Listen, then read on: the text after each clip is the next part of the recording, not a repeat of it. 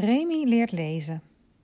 Hoe knap de troep van Signor Vitalis ook was, als ze drie of vier voorstellingen hadden gespeeld, waren ze door hun stukken heen. Om genoeg geld op te halen, konden ze dus nooit lang in één stad blijven. Drie dagen nadat ze in Ussel waren aangekomen, moesten ze er daarom alweer weg. Waar gaan we nu heen? vroeg Remy.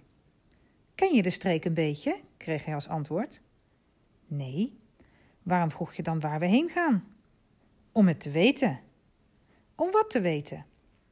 Zonder te antwoorden keek Remy naar de witte weg voor hen, die zich door een bos, bosrijke vallei uitstrekte.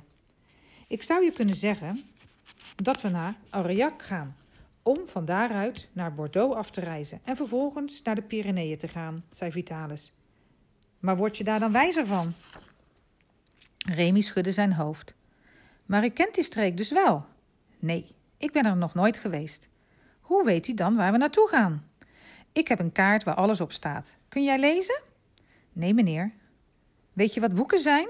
Ja, die heb ik wel eens gezien, antwoordde Remy enthousiast, met plaatjes erin en met leren kaften eromheen.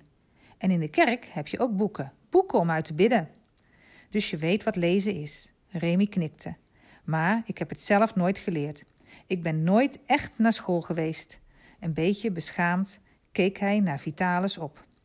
Wat moest die oude man wel niet van hem denken? Remy was opgegroeid als arme schooier, ver weg van de beschaafde wereld. Hij was ooit wel eens een maand naar school geweest. Maar de meester was een klompenmaker en die in de klas alleen maar aan het werk was. De houtkrullen vlogen in het rond en van lesgeven kwam niet veel. Dat liet hij aan zijn dochter over, die dat vervolgens ook niet deed, omdat zij eigenlijk naaister was en voortdurend in de weer was met naald en draad. De twaalf leerlingen in de klas zaten dus alleen maar wat te kletsen en verder niks te doen. Remy had er niet eens het alfabet geleerd. Is lezen moeilijk? vroeg hij aan Vitalis toen hij een poosje had lopen nadenken. Niet voor mensen die het graag willen leren, antwoordde Vitalis. En ook niet voor mensen die snel leren. Leer jij snel of langzaam? Remy dacht even na. Met toneelspelen had hij snel geleerd, dus met lezen zou dat misschien ook zo zijn. Maar, hij mocht, maar mocht je dat over jezelf zeggen? Ik denk dat ik snel leer, antwoordde hij, en ik wil het ook heel graag. Vitalis glimlachte. We zullen zien. De volgende ochtend waren ze al een tijdje op weg. De volgende ochtend, ze waren al een tijdje op weg, raapte Vitalis ineens een stoffig stuk plank van de grond. Dit is het boek waaruit je zult leren lezen, zei hij. Remy keek onderzoekend naar Vitalis' gezicht. Zat hij hem nou voor de gek te houden? Maar dit is toch geen boek, zei hij voorzichtig. Het is een houten plank zonder letters erin. Vitalis grinnikte. Slimmerik. Zit u me nou voor de gek te houden? Dat zou ik nooit doen, jongen. Als je iemand uitlacht die iets niet weet, ben je zelf dom. Hij wees naar een groepje bomen. Daar gaan we even uitrusten en dan zul je zien dat je met behulp van dit stuk hout kunt leren lezen. Even later zaten ze in het gras, waartussen hier en daar al madeliefjes stonden. De honden gingen naast hen liggen, maar Jolicoeur, die bevrijd werd van zijn ketting, klom meteen een notenboom in om noten uit de takken te schudden. Vitalis haalde zijn mes uit zijn zak en begon een zo dun mogelijke schijf van de plank af te snijden. Daarna schaafde hij de schijf over de hele lengte aan beide zijden glad en sneed er toen allerlei vierkantjes van ongeveer dezelfde grootte uit. Remy snapte nog steeds niet wat Vitalis aan het doen was. Om te leren lezen had je toch velle papier nodig met zwarte tekens erop? Op elk van de stukjes hout begon Vitalis. Zal ik met het punt van mijn mes een letter kerven? Dan ontdek je hoe ze eruit zien en zo zul je het alfabet leren. Als je de letters zo goed kent dat je ze kunt dromen, kun je ze naast elkaar leggen en woorden vormen. En als je zover bent dat je elk woord dat ik opnoem kunt maken, dan zul je ook een boek kunnen lezen. Al gauw had Remy allemaal kleine letterblokjes in zijn zak en het duurde niet lang of hij kende het hele alfabet uit zijn hoofd. Maar echt lezen viel nog niet mee, want dat ging niet zo snel. Er waren zelfs momenten dat hij er spijt van had dat hij had willen leren lezen. Wat was dat moeilijk! Dat kwam misschien ook omdat Vitalis had besloten dat Capi wel mee kon doen. Die kende immers al de cijfers van de klok. Dus waarom zou hij dan ook geen letters kunnen leren? Zo werden Remy en Capi klasgenootjes. Maar omdat Capi een hond was, leerde hij natuurlijk op een andere manier. Als meester Vitalis een letter noemde, moest Capi het juiste blokje met zijn poot wegvegen. Soms kende hij de letters nog eerder dan Remy.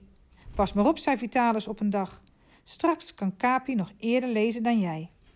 Capi kwispelde triomfantelijk met zijn staart. Dommer dan een dier, plaagde Vitalis nog even door. Dat is leuk in een komedie. Maar in het echt is het toch wel een beetje beschamend. Dat plagerijtje miste zijn uitwerking niet. Remy deed daarna dubbel zo hard zijn best.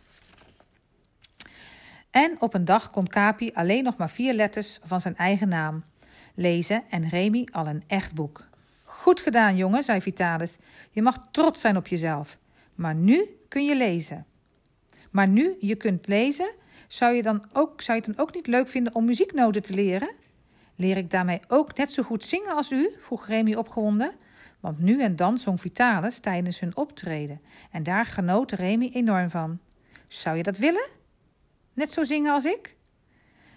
Zoals u leer ik het natuurlijk nooit, maar gewoon zingen. Hoor je me graag zingen dan? Graag, ik doe niets liever. Als u zingt, wil ik soms huilen en lachen tegelijk.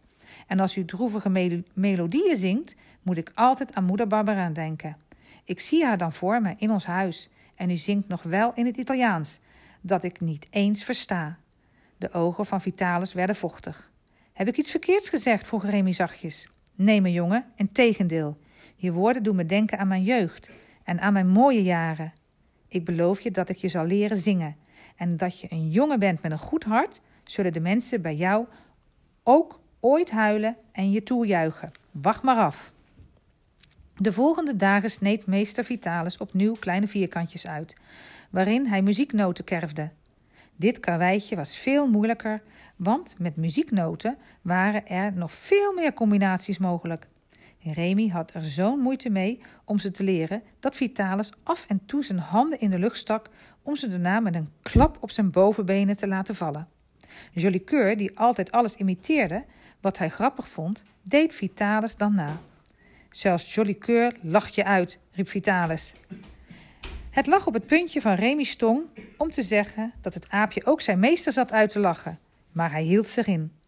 Na weken van hard werken kon Remy eindelijk een liedje van blad zingen. Vitalis gaf hem een trots schouderklopje en zei: Als je zo doorgaat, kun je een groot zanger worden. Let maar op. Zover was het alleen nog lang niet. Weken en maanden lang waren Remy's zakken gevuld met kleine houten vierkantjes met muzieknoten erop. Maar alleen als, hij er tijd, als er tijd over was, gaf Vitalis Remy les. En dat was lang niet iedere dag het geval. Ze moesten immers steeds naar een ander dorp om een voorstelling te geven. En elke dag moest er gerepeteerd worden. Uiteindelijk leerde Remy niet alleen steeds beter lezen, maar was hij ook nog steeds beter opgewassen tegen de lange dagtochten. Terwijl hij eerst een misere stadskind genoemd was, had hij door het vele lopen sterkere armen en benen gekregen en was zijn huid gehard geraakt, zodat hij nu beter tegen warmte, kou en regen bestand was. Dat was maar goed ook, want er stonden hem nog vele ontberingen te wachten.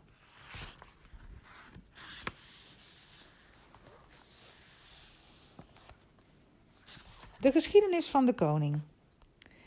In de tijd die volgde doorkruisten ze een groot stuk van Zuid-Frankrijk en trokken ze door streken met prachtige namen als Auvergne, Quercy, Cevennes, Languedoc. Hun manier van reizen was simpel. Ze liepen gewoon hun neus achterna en als ze onderweg een niet al te armoedig dorp zagen liggen, bereidden ze zich voor op een triomfantelijke intocht. Remy maakte de haren van de grijze dolsje mooi kleedde de schapendoe Serbino aan en deed Poedelcapi een lapje voor een van zijn ogen, zodat hij de rol van een piraat kon spelen. Ook sjorde hij Jolly Coeur in zijn generaalsuniform. Dat laatste viel nog niet mee, want de eigenwijze aap verzon de gekste dingen om het aankleden zo lang mogelijk te laten duren. Als iedereen eenmaal was uitgedost, marcheerden ze als een stoet het dorp in. Vitalis met de fluit aan zijn mond voorop. Zodra er genoeg nieuwsgierigen achter hen liepen, begonnen ze met de voorstelling. Alleen in de steden bleven ze enkele dagen. Ochtends was Remy dan vrij om te doen wat hij wilde.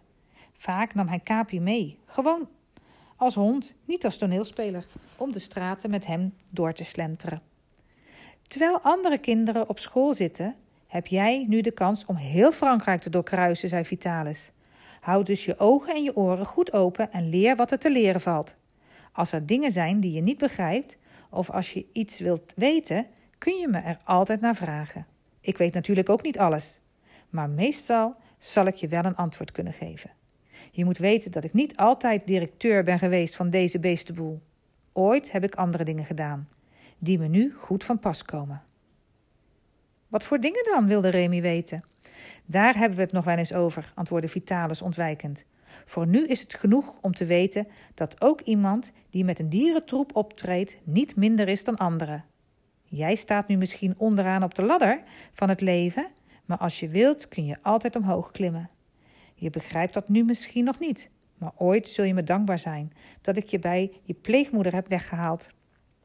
Je zult heel veel meer dingen leren die je anders niet zou hebben geleerd. De dag dat wij elkaar ontmoeten is een gelukkiger dag voor je geweest dan je nu beseft. Remy werd steeds nieuwsgieriger. Wat had zijn meester vroeger toch gedaan? Waar hij nog steeds niets over kwijt wilde. Wat was er gebeurd? Maar hij vroeg er niet naar, want hij wist zeker dat Vitalis er niets over zou vertellen. Nadat ze de bergen van Auvergne achter zich hadden gelaten, kwamen ze bij een treurig en troosteloos landschap, het kalksteengebied van de Quercy. Er was bijna niets anders te zien dan onbehouwd land en armoedig kreupelhout. Nergens zag je water. Er was geen rivier, geen beek, geen meer, helemaal niks. Hier en daar hadden ooit wel beekjes gestroomd, maar aan de droge stenen was te zien dat er al heel lang geen water meer door de beddingen liep. Midden op deze droge, verschroeide vlakte lag het dorp La Bastide Murat, waar ze in de schuur bij een herberg de nacht doorbrachten.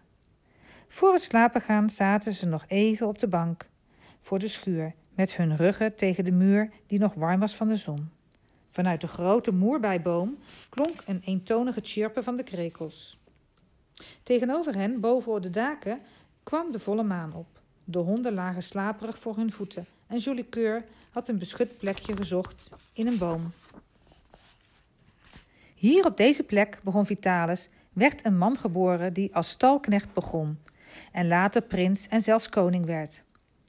Dit dorp is naar hem genoemd. Hij heette Murat. Ik heb hem persoonlijk gekend. Toen hij stalknecht was?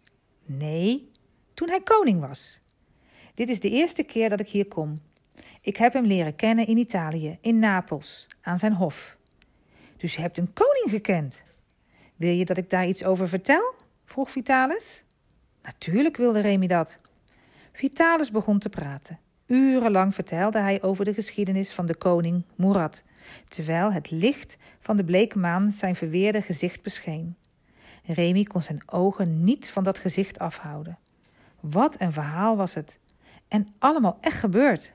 Tot dan toe had hij geen idee gehad van wat de wereld allemaal te bieden had. Wie zou hem dat ook verteld moeten hebben? Moeder Barberin wist daar niets van. Haar gedachten waren vast nooit verder gegaan dan wat haar ogen zagen, en die hadden nooit meer gezien dan de horizon vanaf de dichtstbijzijnde berg. De berg waar Remy op stond toen hij haar voor het laatst had gezien. Zijn aandacht werd weer naar de stem van meester Vitalis getrokken, wat Vitalis niet allemaal had meegemaakt. Hij was zelfs in het zuiden van Italië geweest en had een koning ontmoet. Maar hoe was hij dan de man geworden die Remy nu voor zich zag? Ach, er was zoveel om over na te denken. Zoveel om zijn fantasie op los te laten. Te veel bijna voor een jongen die nog van alles moest ontdekken.